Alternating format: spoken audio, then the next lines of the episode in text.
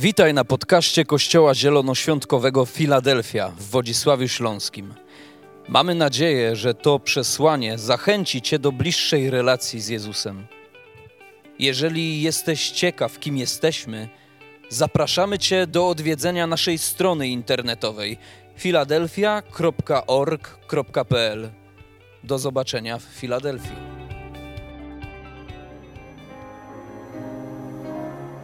Drogi Jezu, dziękujemy Ci za Twoje cudowne słowo, za to, że ożywiasz je, że tylko Ty masz moc je ożywić, Ty masz moc sprawić, żeby, że staje się tą przemieniającą treścią dla naszego życia. Ojcze, modlimy się, niech to teraz, co będzie dzisiaj wypowiedziane, będzie na Twoją chwałę i dla powodzenia Twojego ludu.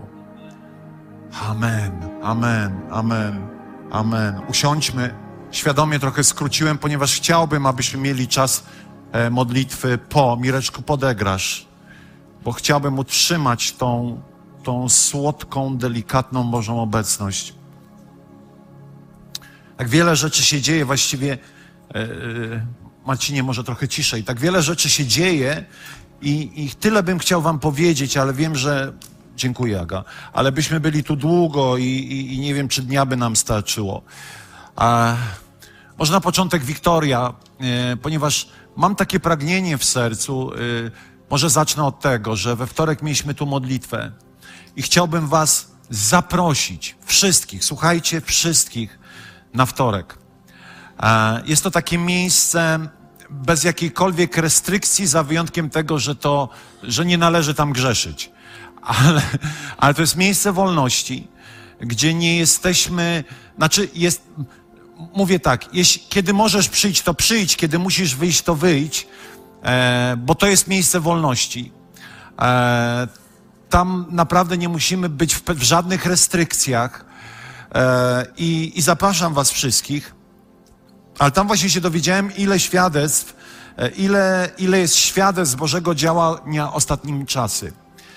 E, I powiem tak, ja Was błagam, Wy nie zostawiajcie tego dla siebie, bo a ja nie wiem, a czy wypada, czy to z Boga, czy nie z Boga, może sobie coś wkręciłem. Przyjdź do mnie, e, powiedz, czego doświadczyłeś. Wiecie, są na przykład dwa czy trzy takie uzdrowienia typu wow. Coś było, a czegoś nie ma. E, i, I dopiero tam się dowiedzieliśmy, że one są. Wiecie, kiedy Bóg coś czyni, zawsze jest zasada e, oddania Mu chwały. E, I, I, po każdym jego dziele jest wdzięczność i oddanie mu chwały poprzez to, że ja przed światem powiem o dziełach Bożych, czyli o tym zdarzeniu, które miało miejsce w Twoim życiu. Więc ja Was proszę o to. Przekazujcie za każdym razem, czy teraz, czy kiedykolwiek indziej, nie zostawiaj tego dla siebie. Wiecie, to jest trochę tak, o, modliłem się uzdrowienie, o, jestem uzdrowiony, super, i zapominamy. Zamiast powiedzieć Kościołowi, który myśli, modlili się i nic się nie stało, a właśnie się stało, wiele rzeczy się stało i mówmy o tym dzielmy się, przy, przychodźmy, e, ale też tak mówię, nie mamy grup domowych. Kościele, e, ja wierzę, że ponieważ jesteśmy w takim miejscu duchowego poruszenia, to coraz więcej będzie nas e, we wtorek. I to nie chciałbym, żeby to brzmiała jakakolwiek presja i poczucie winy. Nie, po prostu to jest cudowny czas. Wiki, chodź, gdzie jest Wiktoria? Chodź, chodź, opowiesz. I to jest taka, taka zachęta na początek z takich kwestii wiary miałam taki czas, kiedy modliłam się właśnie o wiarę. Modliłam się, Boże, daj mi wiarę, wzbudzaj we mnie wiarę. I, i, i przyszłam tutaj na modlitwę, e, właśnie, która była też we wtorek, ale tam dwa tygodnie czy kilka tygodni temu. Bliżej do... mikrofon. Okej. Okay. Tak. I mówiłam tak do Boga, że Boże, okej, okay, ja się modlę o wiarę, ale tak naprawdę zauważyłam, że ja chodzę w strachu, że każdy mój kolejny krok to nie jest krok wiary, w którym mówię, mm. okej, okay, ja ufam mojemu Bogu, tylko po prostu chodzę i myślę, okej, okay, a co właśnie jeśli mi się wydaje? Co jeśli mi się wydaje, że Bóg coś mi powiedział? A co jeśli mi się wydaje, że, że to, co ktoś mi powiedział, przekazał mi Boże Słowo, to to jest prawdziwe? A co jeśli mi się wydaje? I ciągle chodziła mi, co jeśli mi się wydaje? A co jeśli mi się nie uda? I takie były myśli w mojej głowie. I wtedy sobie pomyślałam, Boże, ja tak nie chcę, ja nie chcę takich myśli, ja nie chcę mówić, jak, kiedy coś nie jest tak, jak ja sobie wyobrażam, to nie chcę mówić, okej, okay, to zawracam. Chcę właśnie mówić, ufam mojemu Bogu. I, i modliłam mm. się tak i po prostu odebrałam, że Bóg mówi do mnie, Po prostu zrób pierwszy krok. Nawet jeżeli będzie nieudolny, to zrób kolejny i kolejny krok w tej wierze, bo mamy chodzić w wierze, a, a nie w niej stać. I właśnie ta modlitwa, która jest we wtorek, to jest taki cudowny czas, bo to jest taki czas wolności. Ja odebrałam po prostu, że mam wstać i iść. I zaczęłam chodzić po tej sali. Zrobiłam pierwszy krok i był właśnie taki. Potem kolejny i tak myślę, a co jeśli ktoś na mnie patrzy? Ale zrobiłam kolejny i kolejny. I w tym czasie podeszła do mnie Martyna, która tak naprawdę nie wiedziała, o co się modlę. I zaczęła modlić się o moje stopy i dla mnie było to tak niesamowite, bo dla mnie było to potwierdzenie tego, że Bóg mnie słyszy, że Bóg widzi moją prośbę, że Bóg chce właśnie, żebym szła. I to jest dla mnie taka zachęta, żeby po prostu ufać, żeby właśnie iść za Nim, żeby właśnie odrzucać tych słów, kiedy Bóg mówi, tylko ogłaszać, iść w pełni wiary, bo Bóg nas słucha. Ja zachęcam do tej modlitwy, bo to jest niesamowity czas, takiej wolności właśnie. Super, dziękujemy Wiki. Dzięki. Wiecie, mnożą się te świadectwa i, i będziemy je wyłapywali, dlatego że chcemy pokazać, co dzieje się, kiedy przychodzi atmosfera Bożego Przebudzenia. E, I to jest znacznie głębiej niż tylko to, nie wiem, że ktoś padł pod mocą Bożą, że coś tam się wydarzyło, tylko to są realne zmiany w wierze, w naszym życiu. To po prostu sięga głębiej niż tylko pewne, pewne zewnętrzne rzeczy. E, ale bardzo często potrzebujemy stanąć w takim miejscu. Okej, rób Panie Boże, co chcesz, ufam. Ufam. Ufam. Zawieszam na, na krzyżu mój opinię innych ludzi, mój dobry wizerunek. Nie będę się bał tłumu. Wiecie, e, e, bardzo często ten lęk przed oceną tłumu jest większy niż chęć podobania się Bogu. Ale na końcu dnia i tak najważniejsze byłoby, było tylko to, o, o czyją uwagę, o czyją opinię walczyłeś. Ciekawe jest to, kiedyś przeczytałem takie zdanie. Jeśli dbasz o przychylność Boga, to pewnego dnia będziesz miał przychylność ludzi. Jeśli dbasz o przychylność ludzi, zawsze będziesz niewolnikiem ludzkich opinii. I bardzo często rozminiesz się z Bogiem. To nie znaczy, że mamy być arogancy, nie, słychać, nie słuchać naszych ojców wiary, starszych e, liderów wierze, których Bóg postawił na naszej drodze. A, I ja nie o tym mówię. Ja mówię o tym, że my bardzo często boimy się opinii typu a co tamten o mnie pomyśli, a co sąsiadka o mnie pomyśli, a co znajomi o mnie pomyślą, a co zgromadzenie o mnie pomyśli, jak nie wiem, Bóg mnie dotknie w kościele. Odrzuć to po prostu, żyj w atmosferze wolności. Żyj w atmosferze wolności, bo na końcu dnia e, liczy się to, co On E, liczy się Jego atencja i Jego uwaga. I wiecie, my tu przychodzimy w niedzielę, aby świętować i aby e, skupić się kompletnie na Nim i, i szukać Jego uwagi. O, tak to powiem. My nie przychodzimy tutaj podczas zgromadzenia, aby szukać uwagi innych ludzi, robić wrażenie na innych ludziach. E, my po prostu przychodzimy tylko i wyłącznie te dwie godziny, aby skupić się na Nim kawiarnia, przed, przed i po. To jest już czas świętowania takiego na poziomie my. Ale tutaj na tej sali istotne jest tylko to, co On o mnie myśli, i to jest przestrzeń wolności. To jest przestrzeń wolności. Nie możesz oceniać zachowania nikogo na tej sali, nie możesz krytykować zachowania nikogo na tej sali, chyba, ale to może dwa razy w życiu się zdarzyło E, że pamiętacie w Efezie była tam taka kobieta, która wołała, to są synowie, słudzy Boga Najwyższego i to była podróbka Bożej chwały. Ale tutaj na 23 lata, nie chcę teraz się zagłębiać, bo zamotam, nieważne. W każdym bądź razie, e, w każdym bądź razie e, niech to będzie atmosfera wolności. Czujmy się tutaj ze sobą bezpiecznie. Moi drodzy, mm, więc zapraszam, zachęcam. Jeszcze taka informacja, wróciliśmy w nocy z Wrocławia. E, było nas wielu. Halo. Ja doznałem e, szoku, ponieważ nigdy w Polsce czegoś takiego nie widziałem. Pamiętam historię, kiedy, kiedy były momenty, kiedy modliliśmy się, i wiecie, czasami ludzie byli tacy w cudzysłowie nadgorliwi w modlitwach, w wierze. I oni modlili się, Panie, abyśmy spotykali się na stadionach, aby na stadionach była Ewangelia głoszona. I muszę przyznać szczerze, że czasami nawet mnie to przerastało. Mówię, no fajnie, dobrze, no modlą się, no niech się modlą. Ale mówię, ale my tu nie możemy tej sali zapełnić e, ludźmi, którzy spotkają Pana Boga. I tak, ale wiecie, człowiek czasami musi mieć taką dyżurną wiarę. Nieważne, że ja w to nie wierzę, ale w to wierzę. Wiecie o czym mówię? Połowa moja w to nie wierzy, połowa mózgu, ale serce moje w to wierzy. Moja głowa w to nie wierzyła, ale moje serce tego pragnęło. I kiedy zaparkowaliśmy, wiecie, jechaliśmy, e, ponieważ jakby najpierw byliśmy na mieście, tam z całą rodziną, bla, bla, bla i przyjeżdżamy, jedziemy pod ten stadion na zasadzie podjedziemy, zaparkujemy i, i, i, i zaczęło robić się dziwnie, ponieważ na jednym parkingu nie było miejsca, na drugim parkingu nie było miejsca, na trzecim parkingu nie było miejsca.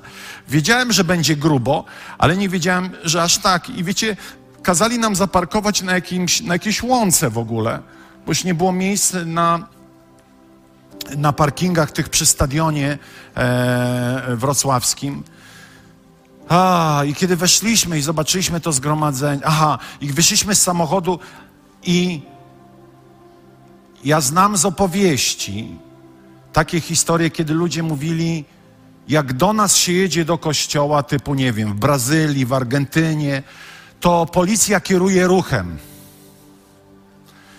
E, na This is Our Time będzie pastor e, z Kolumbii, który ma 70 tysięcy ludzi w kościele. I to nie takie naciągane, tylko literalnie 70 tysięcy. Ale wiecie, myślę, że jak te 70 tysięcy zjeżdża, to policja kieruje ruchem.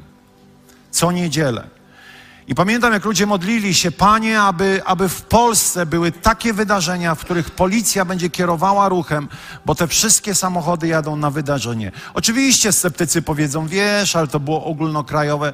Słuchajcie, ja jestem 30 lat wierzący i ostatnie zgromadzenie, jakie pamiętam, było w 80 latach tej wielkości, to było zgromadzenie z Davidem Wilkersonem e, w katowickim spotku. Katowicki spotek miał wtedy 12 tysięcy, e, o ile, nie, 10 tysięcy pojemności, mógł przyjąć tyle ludzi. E, ale te wydarzenia są nawet inne. Ktoś może powiedzieć, była ewangelizacja z Billy Grahamem, potem z Franklinem Grahamem. Myślę, że na Franklinie nie było tyle ludzi. Chyba były 4 tysiące. Ale to, wiecie, jakby chodzi o to, że to nie, to nie były konferencje, to były spotkania uwielbienia. To były spotkania, w których coś duchowego się manifestuje. I w pewnym momencie pamiętam do dzisiaj zdarzenie, które, które rozkminiam w swoim życiu, rozmyślam i myślę, Boże, o co chodziło? I wczoraj je połączyłem. Biblia mówi o czymś takim jak obłok Bożej chwały. W Starym Testamencie stępował obłok Bożej chwały. Dlatego wydaje zarządzenie, że nie będziemy dymić, chłopaki, bo jak przyjdzie obłok Bożej chwały, to my go musimy widzieć. Mówię serio. Mówię serio. To nie jest, że się zgrywam. To nie jest, że się zgrywam. I to jest biblijne, kiedy chmura Bożej obecności stępuje na Kościół. I pamiętam zlot młodzieżowy, który był na Pomorzu, w Wielu. I był namiot. Byliśmy wtedy z, z Danielem i z Beatą i Szymon był taki malutki, Jakub był taki malutki. I pamiętam, spaliśmy na kwaterach. Ja do dzisiaj nie wiem, o co chodzi. Ja spojrzałem na ten namiot z daleka i w miejscu, gdzie był zespół, unosiła się chmura dymu. I pomyślałem, jakiegoś grilla tam robią. Bo to był intensywny taki dym. I poszliśmy potem na jakieś wieczorne imprezy, ale nic w tym stylu się nie, nie działo. Mówię, wow. Ale wiecie, e, zaczyna działać, mówię, na pewno robili jakiegoś grilla, ale sobie myślę, to nie wiem, co tam, cztery prosiaki na tym grillu robili, bo to, to było jak z komina szło z, z nad namiotem. I myślę, wow. I wczoraj, kiedy stałem, kiedy było to uwielbienie, Bóg dał mi wizję, gdzie nad całą płytą stadionu, ja tego nie szukałem, nie rozmyślałem, unosił się olbrzymi, jak słup, e, chmura Bożej obecności. I myślę sobie, to nie jest tylko kwestia pogrania. To umysł, to intelekt mówi, pograli, poskakali, pośpiewali. Ale wiecie, to jest trzecie wydarzenie w tym roku na taką skalę Bożego uwielbienia. Był Michael W. Smith, był Hillsong United, teraz jest chwała mu, a na jesień będzie Carrie Job. Najlepsze jest to, że to nie są koncerty, tylko to są koncerty uwielbienia. Uwielbienie w Biblii zawsze poprzedza chwałę, Boże działanie. Kiedy ludzie uwielbiają, to w następstwie tego zawsze coś się dzieje. Taka jest zasada. Uwielbienie toruje drogę dla Bożej obecności w społecznościach, w narodach. Dlatego, kiedy uwielbiamy Boga tutaj, to my nie śpiewamy. To nie jest część rozrywkowa Kościoła. To jest wyniesienie w duchowej rzeczywistości osoby Pana Jezusa Chrystusa i zadeklarowanie na cztery strony świata tego regionu, że Jezus jest Panem. Amen.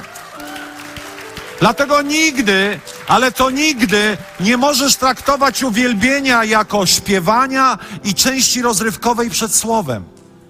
I wiecie, byłem dumny, że ja wiem, że różne okoliczności, jedni mogli, jedni nie mogli. W, w tym kościele nie rozmawiamy, dlaczego nie byłeś. Nie, ponieważ to jest kościół wolnych ludzi. Ale byłem dumny, że tylu ludzi mogło być od nas. Że w tak ważnym momencie naszej historii było to niezwykle, jak to się mówi teologicznie, chrystocentryczne wydarzenie, chociaż głównymi organizatorami, powiem to bardzo wyraźnie, byli nasi odrodzeni bracia z Kościoła Rzymskokatolickiego, Marcin Zieliński i cała ekipa, którym z tego miejsca serdecznie dziękujemy. Ale na scenie byli ludzie ze wszystkich kościołów. Tam nikt nie sprawdzał legitymacji. I wiecie, Bóg, Bóg a, robi co chce i jak chce. Oczywiście wiemy, stoimy na gruncie słowa, e, i, ale wiecie, musimy uszanować Boże dzieło, że ono wykracza poza czasami nasze wąskie denominacje. Ponieważ Polska jest zbyt bardzo niewierząca, żeby jeden kościół protestancki zaniósł Ewangelię do wszystkich ludzi. Bóg potrzebuje wszystkich wierzących we wszystkich denominacjach. Amen. Nie bądźmy uprzedzeni. Nie bądźmy uprzedzeni. A miejmy otwarte serce na braci i siostry z różnych kościołów. Przyjmujmy ich poprzez to, że zbawienie tylko i wyłącznie, tylko i wyłącznie jest w Jezusie Chrystusie że nie ma współzbawicieli różnych protestanckich, katolickich, że tylko Jezus jest drogą, prawdą i życiem. I to jest ten fundament. To jest coś, co zamyka, co zamyka jakby przestrzeń do innej teologii. Jeżeli wierzymy z innymi ludźmi, że tylko Jezus jest drogą, prawdą i życiem, to tam się spotkamy. To to nas spotka razem. Wiecie, znam ludzi z wielu kościołów i, i, i z powodu lęku przed Bogiem, oczywiście stoję na gruncie swoich przekonań, które też się zmieniają. Studiuję Słowo Boże, w którym też się zmieniają moje zrozumienie. Jestem otwarty na zmianę, ale muszę uszanować Boże decyzje i Boże wybory. Wielu ludzi modli się o przebudzenie i kiedy ono zaczyna się dziać, oni są obrażeni tym, co Bóg czyni. Ponieważ oni myśleli, że to właśnie oni będą tym wspaniałym narzędziem. Bóg wybiera sobie ludzi jak chce, gdzie chce i z kim chce. Moi drodzy, mm, zachowujemy swoje przekonania, ale rozumiemy, że łączy nas jedyno zbawczość Jezusa Chrystusa. Amen? Amen. Moi drodzy, trzecia część o Duchu Świętym ponieważ głęboko wierzę, że jest potrzeba zaproszenia Ducha Świętego do Twojego i mojego życia. Ponieważ jest potrzeba tego, abyśmy mogli razem zakumplować się z Duchem Świętym, tak? Zgadzacie się? A więc, moi drodzy, dzisiaj taki trochę trudniejszy temat, ale będzie na końcu z wiarą i z nadzieją o tym, że Ducha Świętego można zasmucić i zgasić.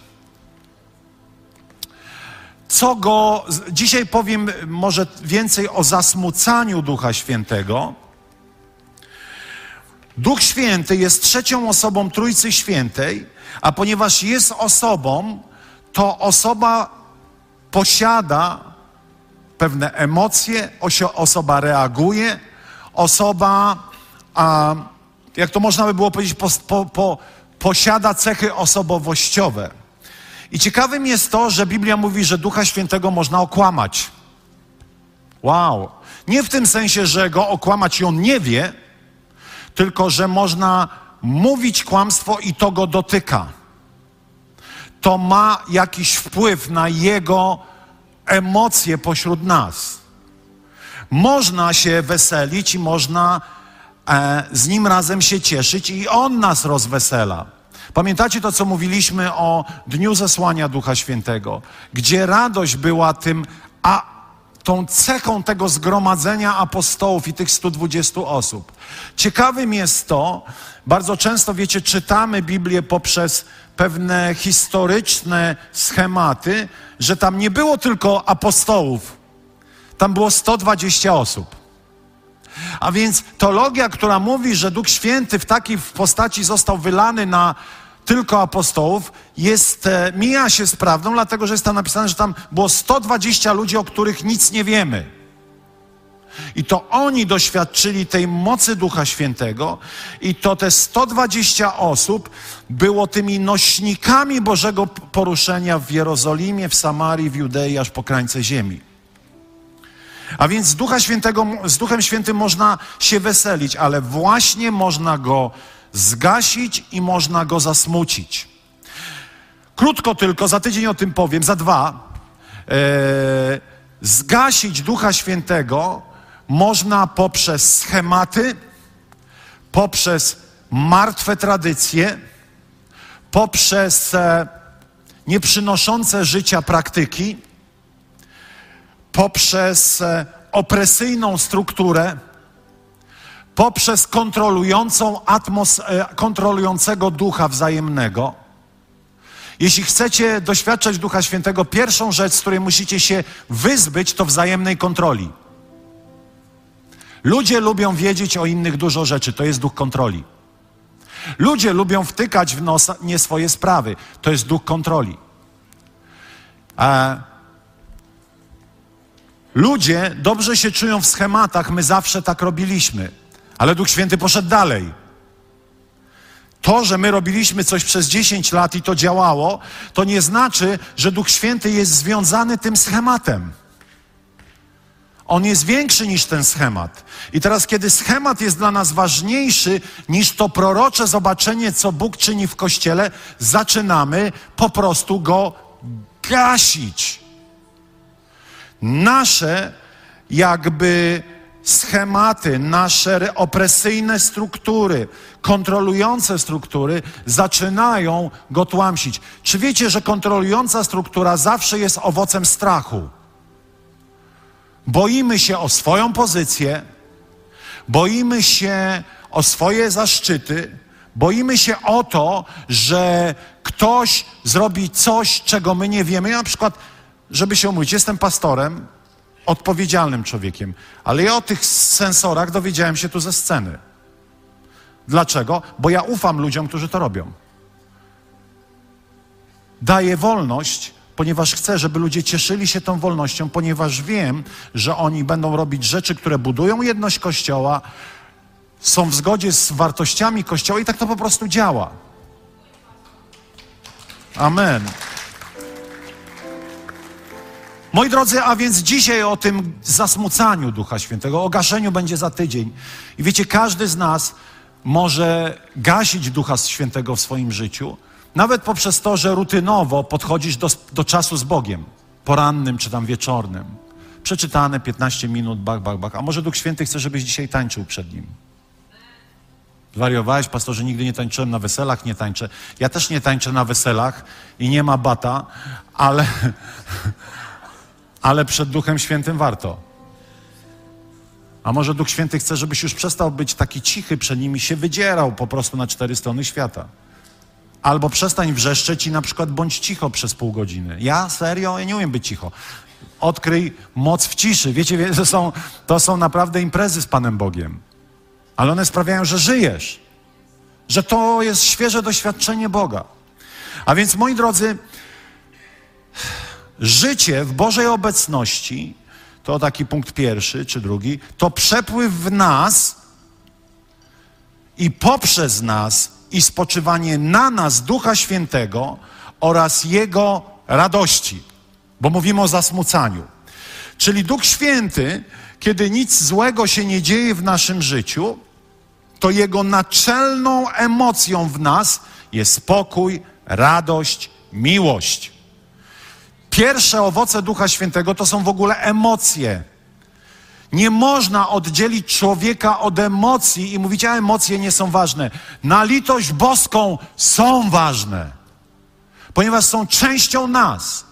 Ponieważ Bóg ma emocje. Oczywiście czasami emocje w naszym nieodrodzonym ciele mogą nas okłamywać.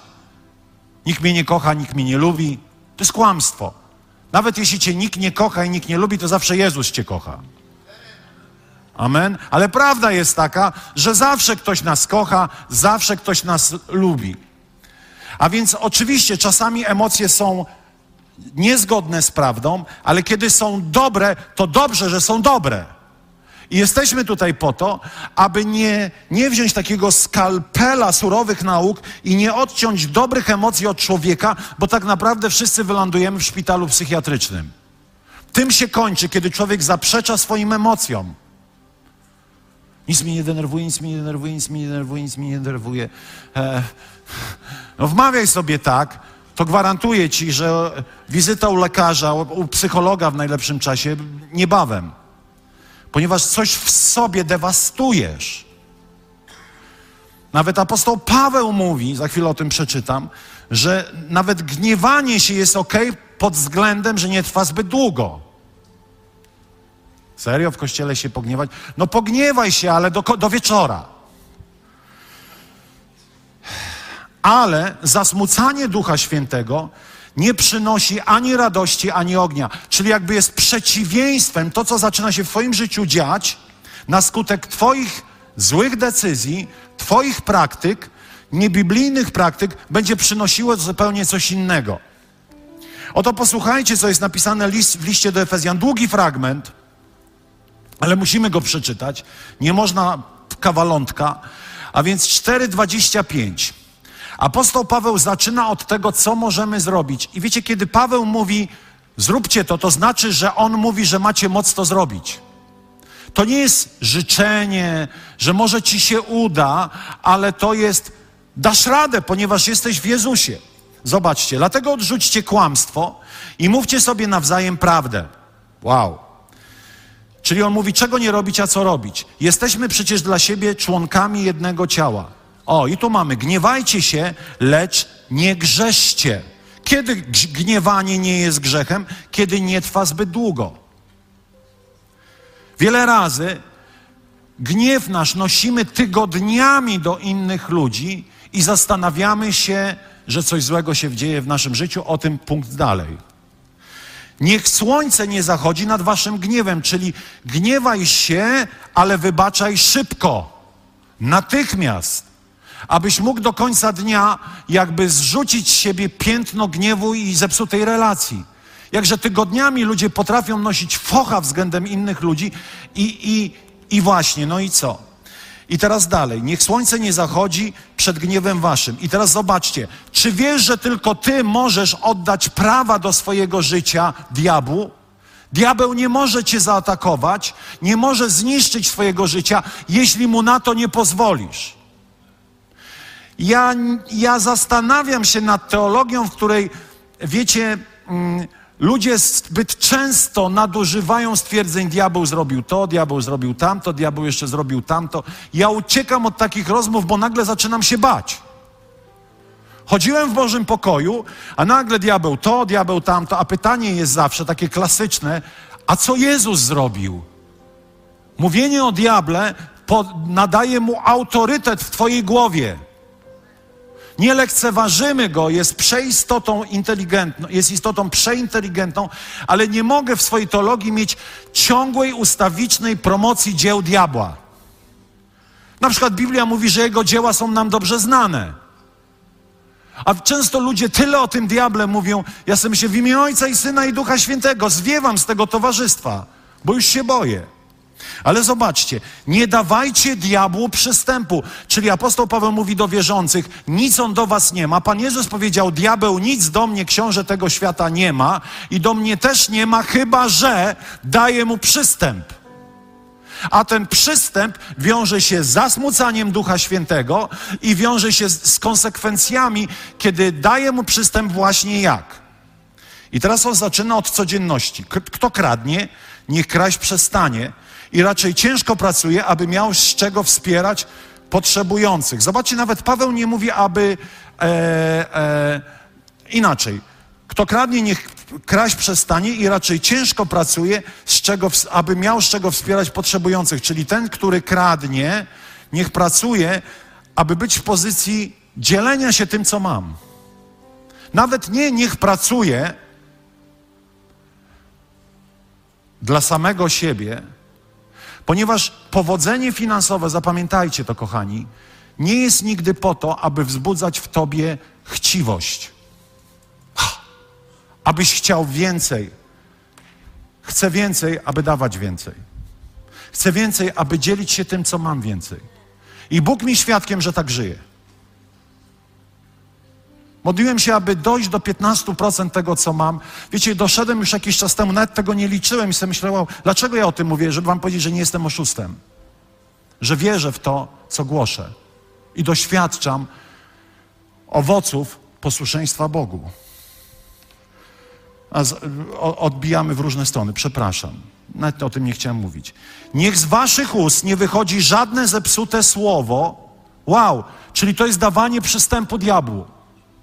Kochani, naprawdę bądźmy ludźmi, którzy słuchają siebie, jak mówią.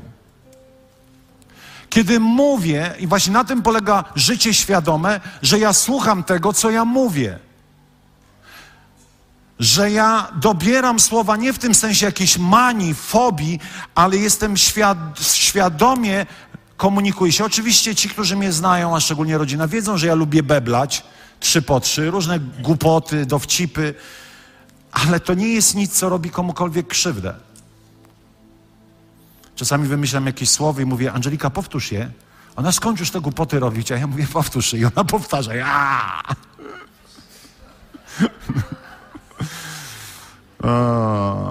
Mówcie tylko to, co dobre dla zbudowania w potrzebie, tak by na słuchających mogła spływać łaska. Inne tłumaczenie mówi, aby w tym, co mówię, spływała łaska Boża. Czym jest łaska Boża? Jest to niezasłużona przychylność, czyli tak mów, aby ludzie Cię słuchając wierzyli w Bożą dobroć i ją przyjęli. Aby ludzie, którzy Cię słuchają, odkryli, że mają w sobie złoto, a nie błoto.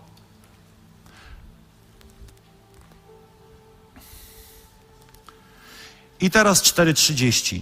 Nie zasmucajcie też Bożego Ducha Świętego, który was opieczętowano na dzień odkupienia. I to, co przed, zasmuca Ducha Świętego, i to, co po teraz przeczytam, zasmuca Ducha Świętego. Usuńcie spośród siebie wszelką gorycz i gwałt, gniew, krzyk i oszczerstwa.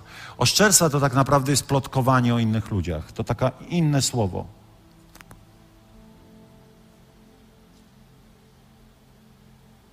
Nie tolerujcie po swojej stronie najmniejszej niegodziwości. Boże, jakie On nam stawia wymagania. Bądźcie jedni dla drugich mili i serdeczni. Kiedyś o tym mówiliśmy. Przebaczajcie sobie nawzajem, podobnie jak i Wam Bóg przebaczył w Chrystusie. Studiujcie cały tydzień ten, ten, ten fragment. Zobaczycie, jakie będzie to przemieniające. Wszystko, co przed 4.30 w tym fragmencie i po, ma wpływ na Ducha Świętego w nas. Apostoł Paweł mówi po prostu: podejmij decyzję i zrób to. Masz moc. Masz moc. Żyć tak, jak ci mówię, ponieważ twoja łaska jest, łaska w nas i nad nami jest po to, abyśmy nie byli sądzeni za swoje grzechy, ale łaska też uzdalnia, abyśmy wygrywali ze swoimi grzechami.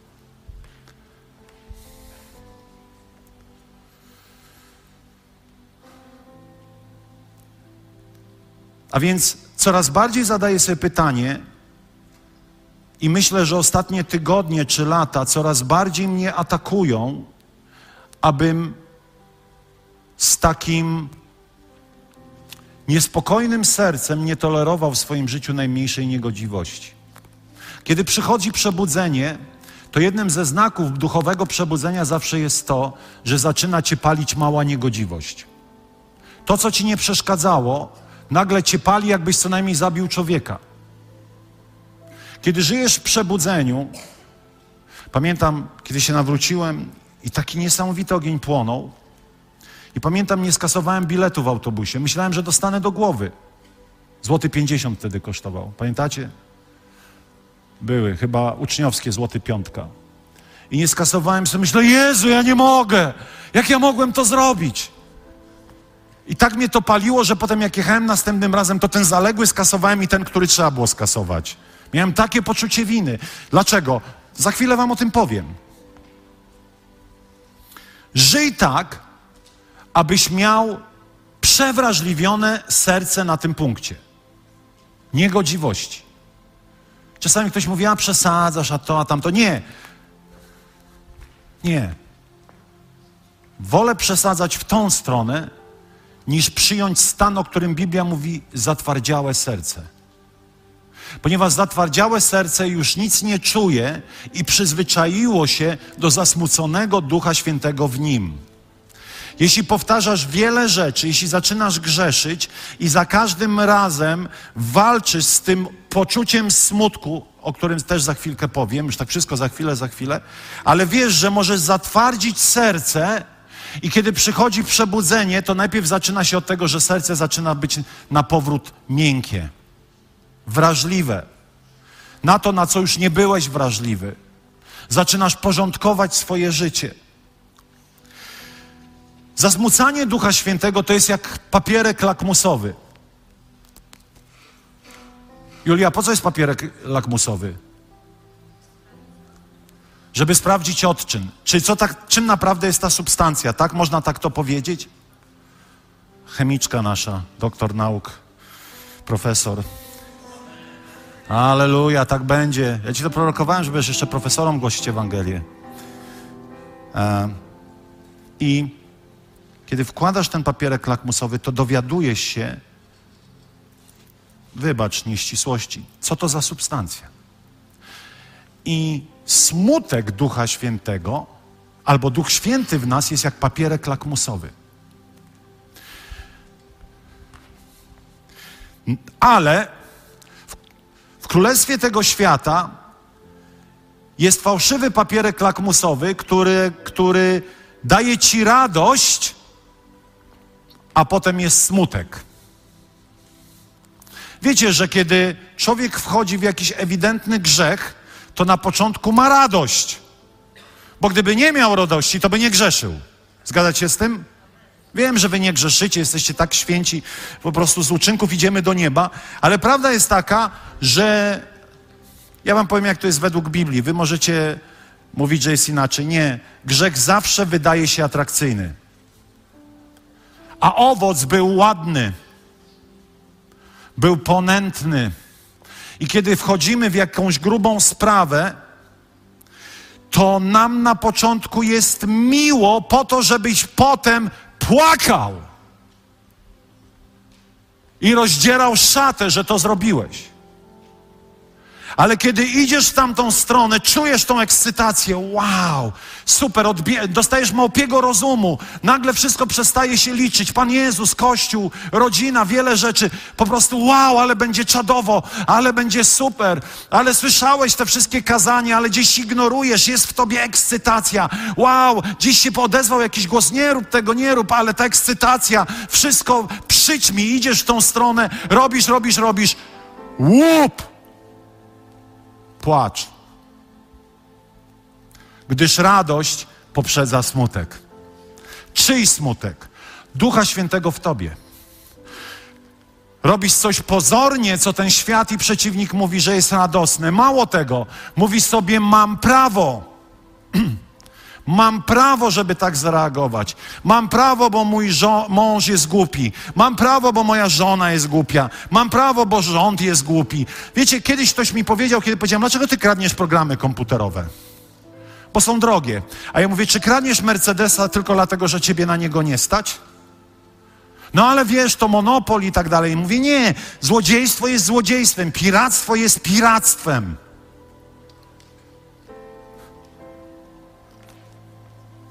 I bardzo często tworzymy taką listę usprawiedliwień, ale na dole i tak jest smutek.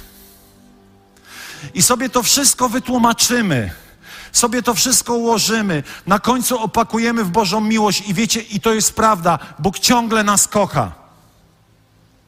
Choćbyś, że tak powiem jest napisane, choćbyś ty się go zaparł, on ciebie się nie zaprze. Ale pytanie należy postawić, czy naprawdę nie jest ci przykro, że ten kochający Bóg przychodzi do ciebie, a ty nie masz problemu ranić jego serca poprzez swoje czyny. Ale ponieważ mamy ten papierek lakmusowy, ten kompas, ten drogowskaz, ten ponadnaturalny cynk w nas, kiedy idziemy w zgodzie z wolą Bożą, a kiedy nie idziemy i kiedy grzeszymy, bo zasmucanie Ducha Świętego dzieje się wtedy, kiedy grzeszymy.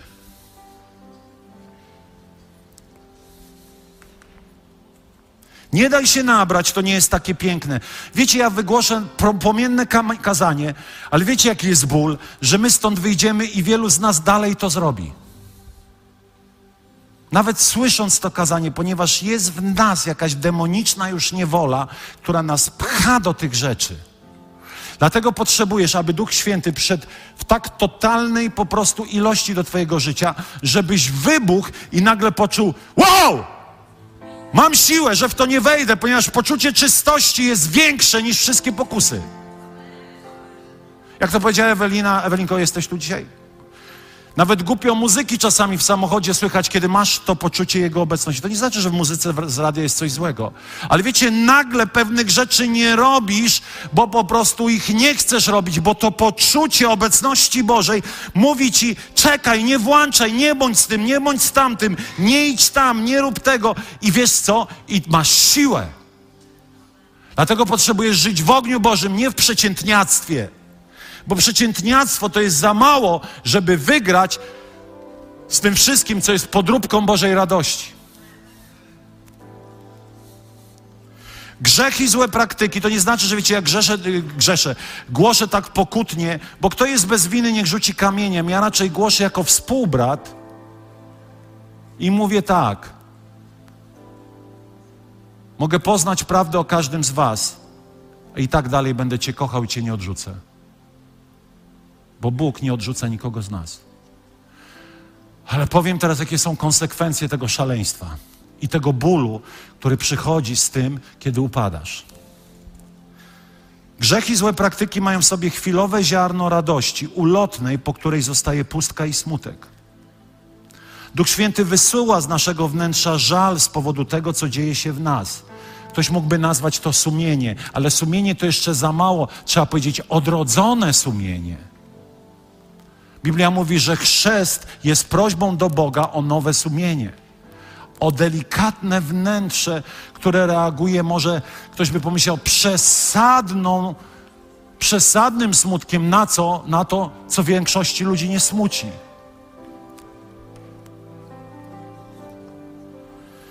Cielesne życie, bo to nie tylko grzech, ale życie według cielesnej natury, nie mogą dawać radości, gdyż jej nie mają. One jej nie mają. Wszystko to, co dzisiaj nazywamy ten entertainment, rozry, roz, rozrywka, nie mogą mieć tej czystej Bożej radości, ponieważ obecność Boża w Tobie ma tylko tą szlachetną, piękną, czystą radość i poczucie szczęścia. Wczoraj spotkałem się z jednym z takich zacnych liderów uwielbienia, on mi powiedział takie zdanie. Ja mówię, no i co tam? przywitaliśmy się serdecznie, jakbyśmy się nie widzieli, wiecie, 100 tysięcy lat. A on mówi, dużo cierpienia, ale radość Boża jest ze mną. Mówię, wow, dużo cierpienia, dokładnie. Mówi, mam dużo cierpienia, ale radość Boża jest we mnie. I wiecie, nawet tego cierpienia po nim nie było widać, a znam jego życie i sobie myślę, Boże, czempion. Radość to wewnętrzny stan, który jest czymś więcej niż zaśmianie się. Jak obejrzę komedię, w której też nie ma nic złego, też się śmieję, uchacham się, ale to nie jest radość wewnętrzna. Tak, śmiech jest wielokrotnie następstwem radości. I kiedy Duch Święty przychodzi, to mamy tutaj niezły ubaw. Wiecie, w piątek usługiwałem w Czechach. Oni za bardzo nie wiedzą, co się u nas dzieje. Wyszli ludzie do modlitwy, a nasi bracia Pepiki są tacy, wiecie, powściągliwi. Prawie wszyscy, nie wszyscy. A oni tak powychodzili. I wiecie, kiedy Duch Święty stąpił, ja patrzę, oni wszyscy bekę mają. A ja do pastora mówię, to nie ja, to Pan. Ja im nic nie zrobiłem. Składali się scyzoryki pod mocą Bożą, się turlali ze śmiechu. Ja mówię, o, mam tę moc. O, super. Ale wiecie, i, i dobrze jest się śmiać. Dobrze, kiedy w kościele jest dużo śmiechu. Ale kiedy wyjdziemy stąd do tego smutnego świata, to Twoja radość, tobie, radość Ducha Świętego w Tobie zostanie. I nawet jeśli się nie śmiejesz, to ludzie widzą, że jest w Tobie radość.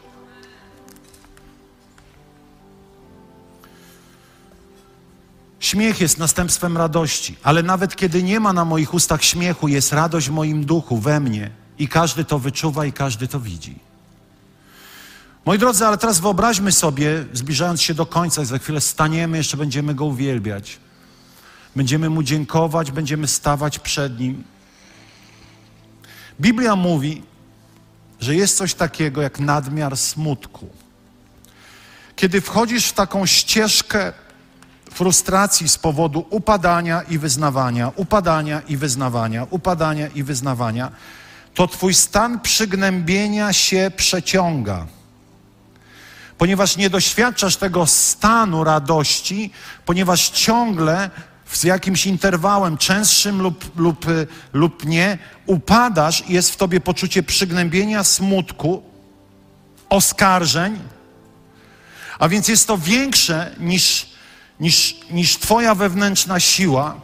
I kiedy ten stan się przedłuża, zaczynasz wchodzić już nie tyle w handrę, w smutek, ale zaczynasz wchodzić w depresję, stan ciągły. Uwaga, krop, yy, yy, yy, gwiazdka.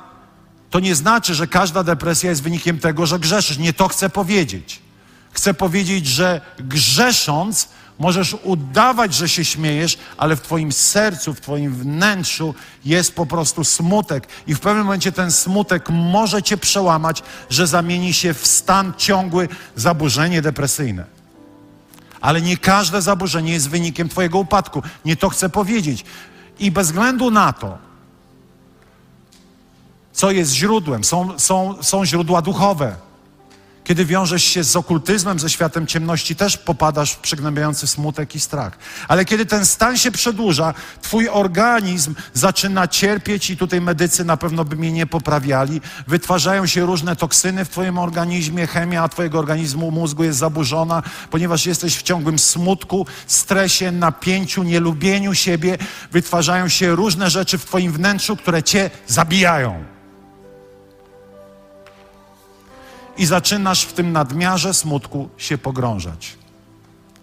Czy smutek jest w takim razie zły? Nie. O ile trwa wystarczająco na tyle, abyśmy wiedzieli, że potrzebujemy pokutować ze swojego czynu.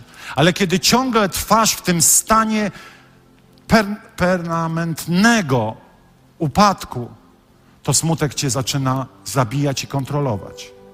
Oto drugi list do Koryntian 2, 5, 7, mój ulubiony. Mówi tak, jeśli natomiast ktoś sprawił smutek, apostoł Paweł mówi o jakichś tam, wiecie, rozbójnikach kościelnych, to nie tylko mnie, ale po części, aby nie przesadzić wam wszystkim. A to jest ciekawe. Takiemu wystarczy ta kara, która została nałożona przez większość. Boże, w kościele jakaś kara była. Wiecie, że my nie znamy tych wersetów w ogóle, że oni tam na przykład wspólnotowo kogoś ukarali, typu, nie wiem, nie będziesz jadł czekolady przez miesiąc. Żartuję. Ale były jakieś kary. Wspólnota nakładała jakąś konsekwencję. Dzisiaj nałóż na kogoś konsekwencje, od razu ci walnie drzwiami i pójdzie, tu nie ma miłości. Ale tam tak było. Ale co mówi Paweł?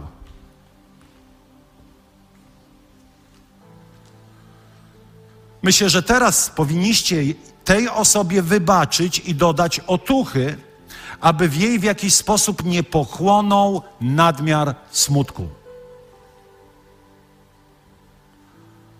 A więc on chce powiedzieć, człowiek nie może być przygnieciony smutkiem, który w pewnym momencie go zabije, ale jeżeli ciągle jesteś w miejscu upadku, to ten nadmiar smutku cię pochłania. Ponieważ taka jest natura upadku człowieka, taka jest natura nieposłuszeństwa Bogu, taka jest, e, taki też jest sygnał Ducha Świętego. Ale po jakimś czasie, żeby bronić się przed tym smutkiem, wyłączasz szufladkę pod tytułem Duch Święty. Bum, wyłączony, zamknięty, żeby już cię nie dręczył. I to jest zatwardzenie serca. Oto jest na, na, na jedyny człowiek w Biblii, Dawid, nazwany mężem według Bożego serca. Nie dlatego, że był doskonały, bo to była szelma. Bóg miał cierpliwość do Dawida. Ale Dawid miał jedną umiejętność, którą chciałbym, aby każdy z nas miał. Szczerość i umiejętność przychodzenia takim, jakim jest do Boga. I umiejętność rozmawiania z Nim tak, jak to jest. Oto Dawid, zamiast pojechać na wojnę, ukatropił dowódcę, bo okazało się, że ta, która mu się podoba, ma męża, skracając, jak ktoś nie zna tej historii. Ukatrupił generała Uriasza, e, bo wcześniej, bo okazało się, że po prostu e, uwiódł Betrzebę.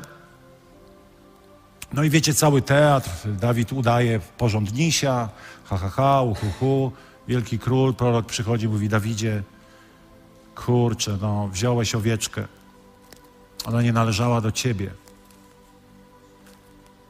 I Psalm 51 opowiada o emocjach Dawida. Cudowny psalm, bo on pokazuje zdolność Dawida do pokuty. Boga nie przerażają nasze grzechy, przeraża nasze twarde serce. Bóg nie jest przestraszony i przerażony naszymi grzechami. Bóg jest przerażony bardzo często człowiekiem, któremu brakuje zdrowego osądu swoich czynów. Serce czyste stwórz we mnie Boże. To jest moment, jak już wiecie, przyszedł smutek. Bo najpierw było wow, przepraszam za kolokwializm, jaka laska u sąsiada. Ale ona generał, generał, generał. To znaczy nie ten generał, ale tamten generał. Dobra, jestem królem. Zobaczcie, Dawid nad, nad, jakby wykorzystuje swoją władzę i autorytet. Zaprasza tą młodą dziewczynę. Mają seks, potem okazuje się, że ona jest w ciąży. No ale generał był tam, gdzie był. Dawid robi różne intrygi, już jest po, po, zakopany, wiecie, po ziemię w tych wszystkich kłamstwach, bo tak to działa z reguły już nie wie, kim jest, co robi. Potem się wszystko wydaje, przychodzi prorok. I wiecie, to jest moment prawdopodobnie pomiędzy tym, że się wydało, a tym, że dzieciak, który się urodził z tego tytułu, e, miał umrzeć. I wiecie, Dawid w tym, w tym czasookresie pokutuje przed Panem. I mówi, co mówi? Serce, serce czyste stwórz we mnie, o Boże, a ducha prawego odnów we mnie. Nie odrzucaj mnie od oblicza swego i nie odbieraj mi swego ducha świętego. Wow, wow. Przywróć mi radość z wybawienia Twego i wesprzyj mnie duchem ochoczym. Pamiętacie? I ja nie mówię o rzeczach tragicznych w życiu, nie o tym mówię. Wręcz, e, wręcz kiedy przychodzą traumatyczne zdarzenia, smutek i żałoba jest Bożym darem, ale mówi, wiecie o czym? Chyba to jest jasne, tak? Że mówimy o tym, kiedy robimy nieboże rzeczy i dochodzi do naszego życia smutek. I on stracił ten smutek, stracił tą radość, stracił tą ochoczość. O co chodzi z tym duchem ochoczym? Duch ochoczy to jest taki, że mi się chce. A przeciwieństwem ducha ochoczego jest apatia i rezygnacja. I wiecie, kiedy postępuje, kiedy gasimy Ducha Świętego, kiedy jesteśmy zniechęceni, to popełniamy jeszcze coraz większe skuchy. A jak już to zrobiłem, to i tamto zrobię. Już jestem taki do bani, tracę tą wewnętrzną moc Ducha Świętego, żeby oprzeć się tym wszystkim rzeczom. Przywróć mi radość z wybawienia Twego i wesprzyj mnie duchem ochoczym. I dalej. E, i aha, i wesprzyj mnie duchem ochoczym. Przywróć mi radość swojego wybawienia, wesprzyj mnie na nowo duchem żarliwości. Czyli stracił radość.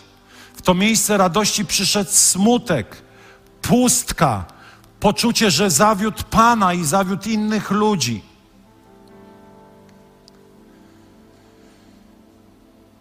Tragiczna historia, ale pomimo to został nazwany mężem według Bożego serca. E, wiecie, Dawid umiał pokutować, bo też Dawid umiał przyjąć Boże przebaczenie. Czasami my pokutujemy, a Pan Bóg mówi, ja już zapomniałem. Ale żeby jakoś dobrze przed Bogiem wypaść, to my jeszcze tak przedłużymy tą pokutę na kolejne siedem lat i my się sami katujemy. Skąd to wiemy? Pamiętacie, Dawid modlił się, pościł, żeby dziecko przeżyło, ale nie przeżyło. I Dawid zrobił coś, co mnie się w głowie nie mieści. Wstał, umył się i powiedział: Modlitwa zakończona. No jak to, Dawidzie, zakończona? Dopóki dziecko żyło, ta modlitwa miała sens, ale Panu podobało się inaczej. Nie będę już jakby nie pozwolę, aby smutek mnie przygnębił z tego, co się stało, bo Przebaczenie jest większe niż jakikolwiek Twój grzech. I po drugie, nieumiejętność y, y, y, prze, przyjęcia przebaczenia zacznie Cię zabijać oskarżyciel. A więc przychodzi smutek, pokutuj przed Bogiem, ale przyjmij przez wiarę przebaczenie. Nie szlachtuj się w nieskończoność, że jakoby Bóg uważa, że za mało pokutujesz. Pokuta to jest zmiana myślenia. Jeśli już zmieniłeś myślenie, to zmienisz pewnego dnia zachowanie. Jak zatem wygrać? Po pierwsze, musisz być człowiekiem słowa. Jeżeli nie znasz słowa, to nie znasz prawdy o tym wszystkim. Ludzie przegrywają, dlatego że żyją w kłamstwie. Żyją w kłamstwie na temat dobrych rzeczy, złych rzeczy, na temat woli Bożej i niewoli Bożej. Po prostu nie znają tego, jak należy żyć, nie znają Nowego Testamentu, nie czytają go. Ja chciałbym dzisiaj zrobić wezwanie o tą rzecz, abyś stał się człowiekiem słowa. Abyś Kościele stał się człowiekiem słowa, które będzie ożywiane przez mądrość Ducha Świętego, abyś wiedział, jak walczyć miecz ducha, którym jest Słowo Boże. Nie zaśmiecaj głowy utopi utopijnymi teoriami XXI wieku, facebookowymi mądrościami, które ci mówią: masz prawo, masz prawo, jesteś ofiarą, a więc masz prawo. Właściwie, moi drodzy, tak naprawdę to wszystko, kiedy krzyczymy: masz prawo, to krzyczymy: ulżyj sobie, sieknij swojego wroga. Masz prawo teraz postąpić źle, bo twoi bliscy byli wobec ciebie źli. To znaczy chcesz powiedzieć, mam prawo odmrozić sobie uszy na złość babci. Jest takie powiedzenie, czyli mam prawo zrobić sobie tak naprawdę sobie źle. Nie daj się nabrać na różne kłamstwa diabła, które ci mówią, a należy ci się. Wiecie, to jest tak, nie pijemy, nie palimy, my tak często mówiliśmy, nie pijemy, nie palimy, to zrobimy sobie przyjemność. A czy to trzeba nie palić, nie pić, żeby poczuć się jakoś usprawiedliwie? Zrobię sobie przyjemność, bo jestem dzieckiem Boga i On ma wszystko i po prostu mogę sobie jakąś fanaberię zafundować. Ale nie muszę ciągle szukać jakiegoś usprawiedliwienia dla dobrych rzeczy i dla złych rzeczy. Uciekaj, póki jeszcze nie jesteś niewolnikiem. Uciekaj, póki jeszcze nie stałeś się związany chęcią chwilowego, chwilowej radości, dlatego że nawet Twój organizm pewnego dnia się od tego uzależni.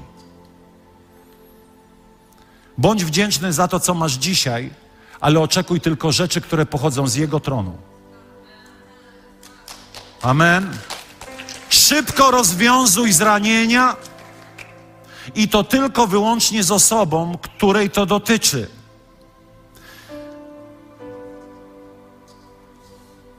Plotkując o innych, poczujesz się na chwilę lepiej, ponieważ prawdopodobnie Twój wewnętrzny, zakompleksiony świat wymaga na chwilę tej demonicznej terapii, abyś poczuł się lepszy od tych. Od... Bo wiecie, na czym polega plotka? Plotka nie polega na tym, że ty nie lubisz tej osoby, o której plotkujesz. Ty ją kochasz.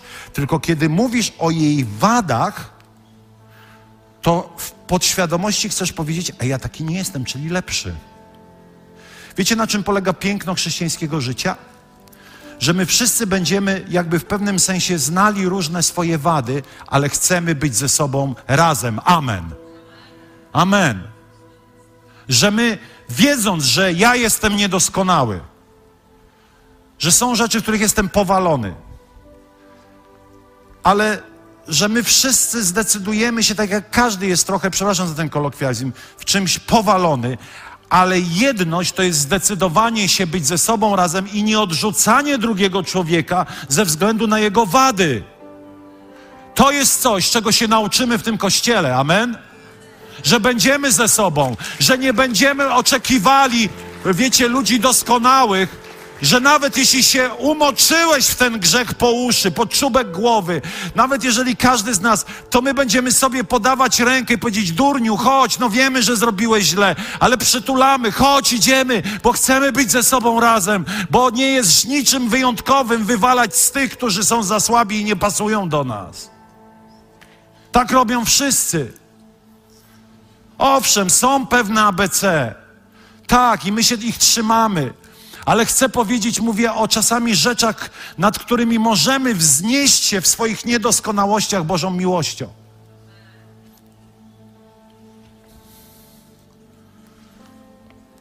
A więc podsumowując, Duch Święty jest duchem radości.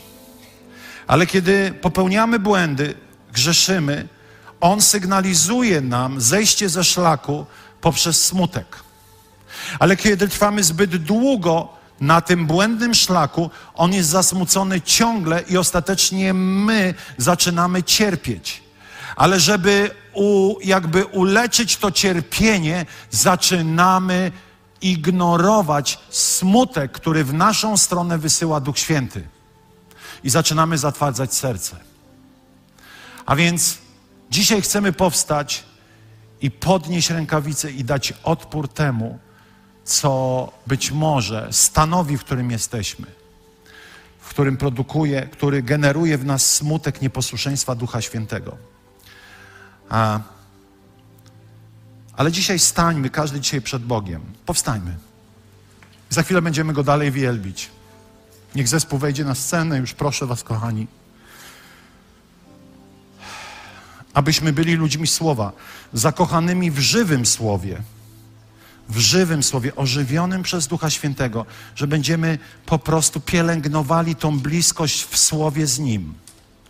Tą bliskość w słowie z Nim, abyśmy wiedzieli, jaki mamy miecz ducha, abyśmy nie przegrali wojny, ponieważ słowo bardzo często pokaże Ci pull up, pull up, czyli ziemia na horyzoncie, podnieść dziób samolotu, bo lecisz się rozbić ten smutek Ducha Świętego jest darem.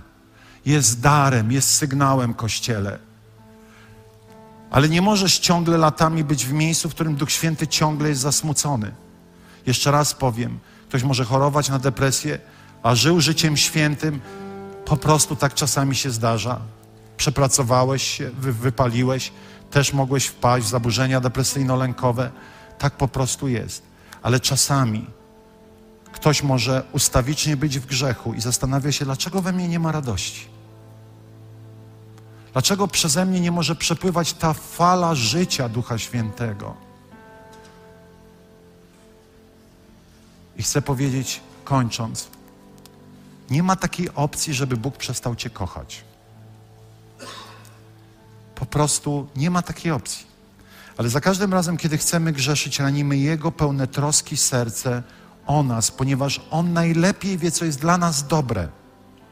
On najlepiej wie, co jest dla nas dobre. My nie wiemy, co jest dla nas dobre, ponieważ my nie stworzyliśmy siebie. On stworzył nas i On określił, jak żyć w tym porąbanym świecie, żeby jak najmniej cierpieć z powodu upadłego świata, który jest wokół nas.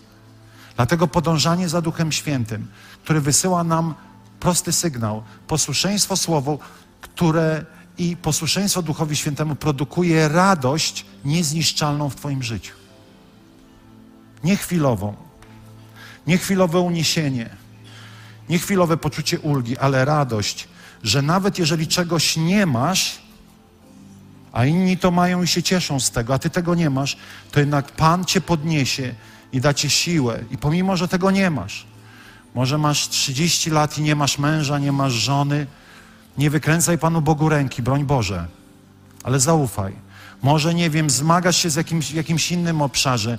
Nie pomagaj Bogu, nie kontroluj, tylko oddaj Mu i przynieś, powiedz, Panie, oddaję Ci tą sprawę w Twojej ręce. To jest najlepsza rzecz, jaką możesz zrobić. Czuję, że ktoś potrzebuje tego dzisiaj. Panie, chcemy wrócić do Twojego słowa. Chcemy spotykać się z Tobą w słowie, w tych codziennych, cudownych, delikatnych momentach Twojej obecności. Panie, chcemy być w tym miejscu wolności, kiedy jesteś tylko Ty i ja. Duchu Święty, odnów głód Twojego słowa, tak jak jest napisane w Biblii. Głód Twojego słowa, tak jak jest napisane w Biblii. Kościele, wnieś swoje ręce, powiedz, Panie, chcę być głodny Twojej obecności.